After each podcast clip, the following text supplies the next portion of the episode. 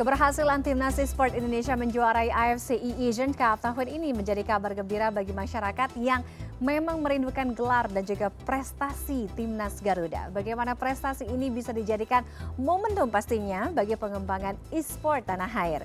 Kita akan bahas bersama Ketua Bidang Atlet Prestasi dan IT PB, PB Esports Indonesia ada Riki Setiawan. Selamat sore Mas Riki, apa kabar? Selamat sore Mbak Divani, Alhamdulillah kabar baik. Oke, uh, Mas Riki, kita melihat bagaimana keberhasilan timnas Indonesia ya. Sebagai Anda sebagai wakil dari pengurus besar esports Indonesia, bagaimana melihat kesempatan emas prestasi yang ditorehkan oleh putra-putra uh, terbaik bangsa ini? Ya pastinya kami dari PBSI merasa luar biasa bangga sekali atas prestasi ini ya, karena ini pertama kalinya uh, AFC Asian uh, Cup diselenggarakan dan kita Indonesia berhasil membawa juara. Dan pasti ini juga jadi momentum kita bersama untuk um, apa namanya bukan cuma bukan cuma meningkatkan ya, tapi juga mempertahankan apa yang sudah ada Mbak Tiffany. Karena memang uh, kita tim Indonesia itu di, di dunia e-sports uh, bisa dibilang sebagai salah satu timnas yang paling kuat ya. Hmm. Di tahun 2023 aja kita mendapatkan total 10 juara emas, 12 perak dan satu uh, perunggu gitu. Jadi tentunya uh, ini juga menjadi momen, menjadi tonggak kita uh, apa namanya bisa berprestasi di banyak nomor e-sports ya, baik itu uh, sepak, bola ataupun juga nomor-nomor lainnya. Oke, Mas Riki, tadi kan Mas Riki sebutkan um, sekarang itu sebenarnya modalnya kuat sekali. Kita tahu berapa tahun belakangan e-sports itu menjadi salah satu cabang olahraga yang banyak dilirik dan um, apa kekuatan dari para pemain kita itu tidak bisa dipandang sebelah mata. Nah, dengan kemenangan kita uh, di Piala Asia ini, bagaimana Anda melihat ke depannya terhadap perkembangan apa yang harus terus uh, didukung, disupport gitu ya untuk uh, pengembangan e-sport di Indonesia sendiri?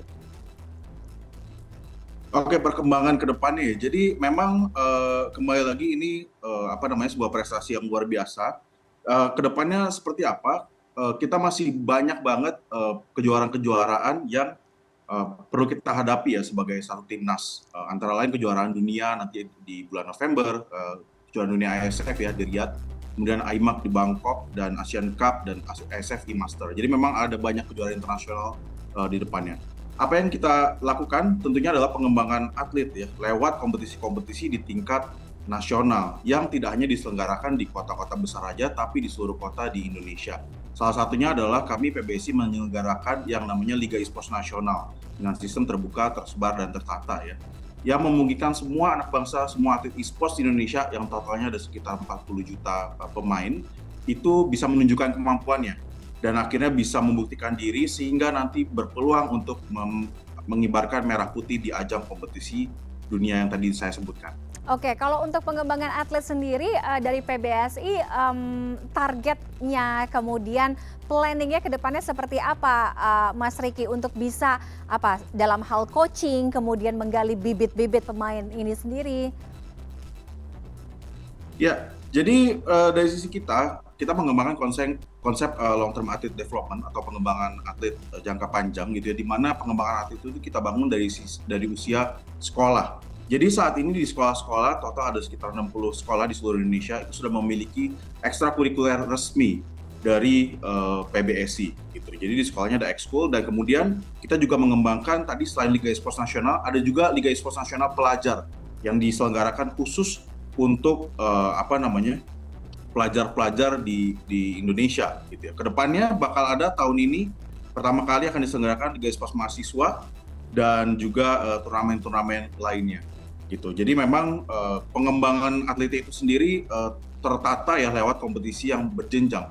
Dan pengembangan ini bukan hanya dari sisi skill saja, tapi juga kemampuan individu uh, apa atlet sebagai seorang profesional. Hmm. Artinya dilatih juga soft skillnya, leadershipnya, kepemimpinannya, public speakingnya gitu. Itu yang uh, apa namanya kami lakukan di PBSI. Oke, Mas Riki, meskipun e-sport ini kan sudah banyak dilirik tadi seperti saya bilang ya beberapa uh, tahun ke belakang kemudian juga banyak torehan-torehan prestasi bahkan yang uh, kemarin gitu ya di di tingkat Piala Asia itu sendiri. Hmm. Nah, tapi mungkin banyak orang yang belum paham um, apa sih e-sport gitu? Kenapa harus e-sport gitu? Tidak semua orang paham untuk itu. Nah, apa yang mau disampaikan dari PBSI untuk bisa memotivasi para pemain-pemain, khususnya pemain-pemain muda nih, yang mau menjejakan gitu ya langkahnya di bidang e-sport, hmm. uh, khususnya jalur uh, profesional? Oke, jadi uh, mungkin belum buat yang belum pernah mendengar, e-sports itu apa sih? E-sports itu adalah uh, olahraga uh, apa namanya memutuskan membutuhkan ketangkasan, ketahanan tubuh dan kecepatan berpikir yang difasilitasi oleh media elektronik gitu. Jadi bisa jadi memang e-sports itu olahraga karena butuh konsentrasi tinggi ya dan ketahanan tubuh karena bertandingnya itu bisa berjam-jam gitu.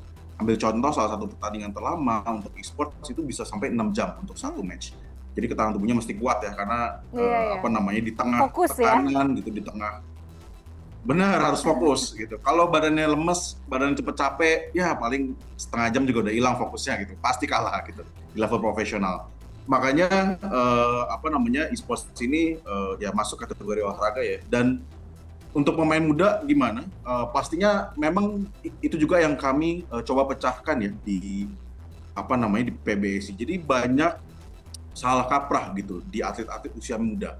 Bahwa ketika misalnya mereka mau jadi atlet profesional e-sports mereka main game selama-lamanya gitu kayak 10 jam gitu oh, 12 okay. jam. Salah kurang tepat gitu. Karena kalau cuma main game ya itu jadi kayak main aja gitu for fun. Nah ketika mau jadi levelnya profesional itu beda. Harus mempertahankan kebugaran tubuh gitu. Harus daya analitisnya kuat. Jadi dia apa namanya eh, melihat uh, apa namanya pertandingan lawan gitu ya, melihat pertandingan diri sendiri gitu. Dan pastinya juga harus memiliki kemampuan komunikasi yang sangat baik. Karena ketika kita bertanding, kita itu dihadapkan dalam situasi seperti krisis gitu ya. Nah, kalau komunikasinya nggak baik, dia apa namanya dalam situasinya lagi tegang gitu ya, ya itu secara tim dia akan uh, tidak akan bisa berperforma, uh, tidak akan bisa performanya maksimal.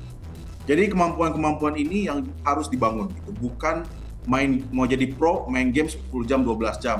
Itu nggak akan jadi pro itu cuma main-main aja gitu. Nggak jadi apa-apa ujungnya. Mungkin gitu. Jadi semangat semua buat atlet uh, calon atlet e-sports ya okay. di Indonesia. Kuncinya ada skill capability ketangkasan strategi komunikasi gitu ya uh, dalam dunia e-sports ini ya.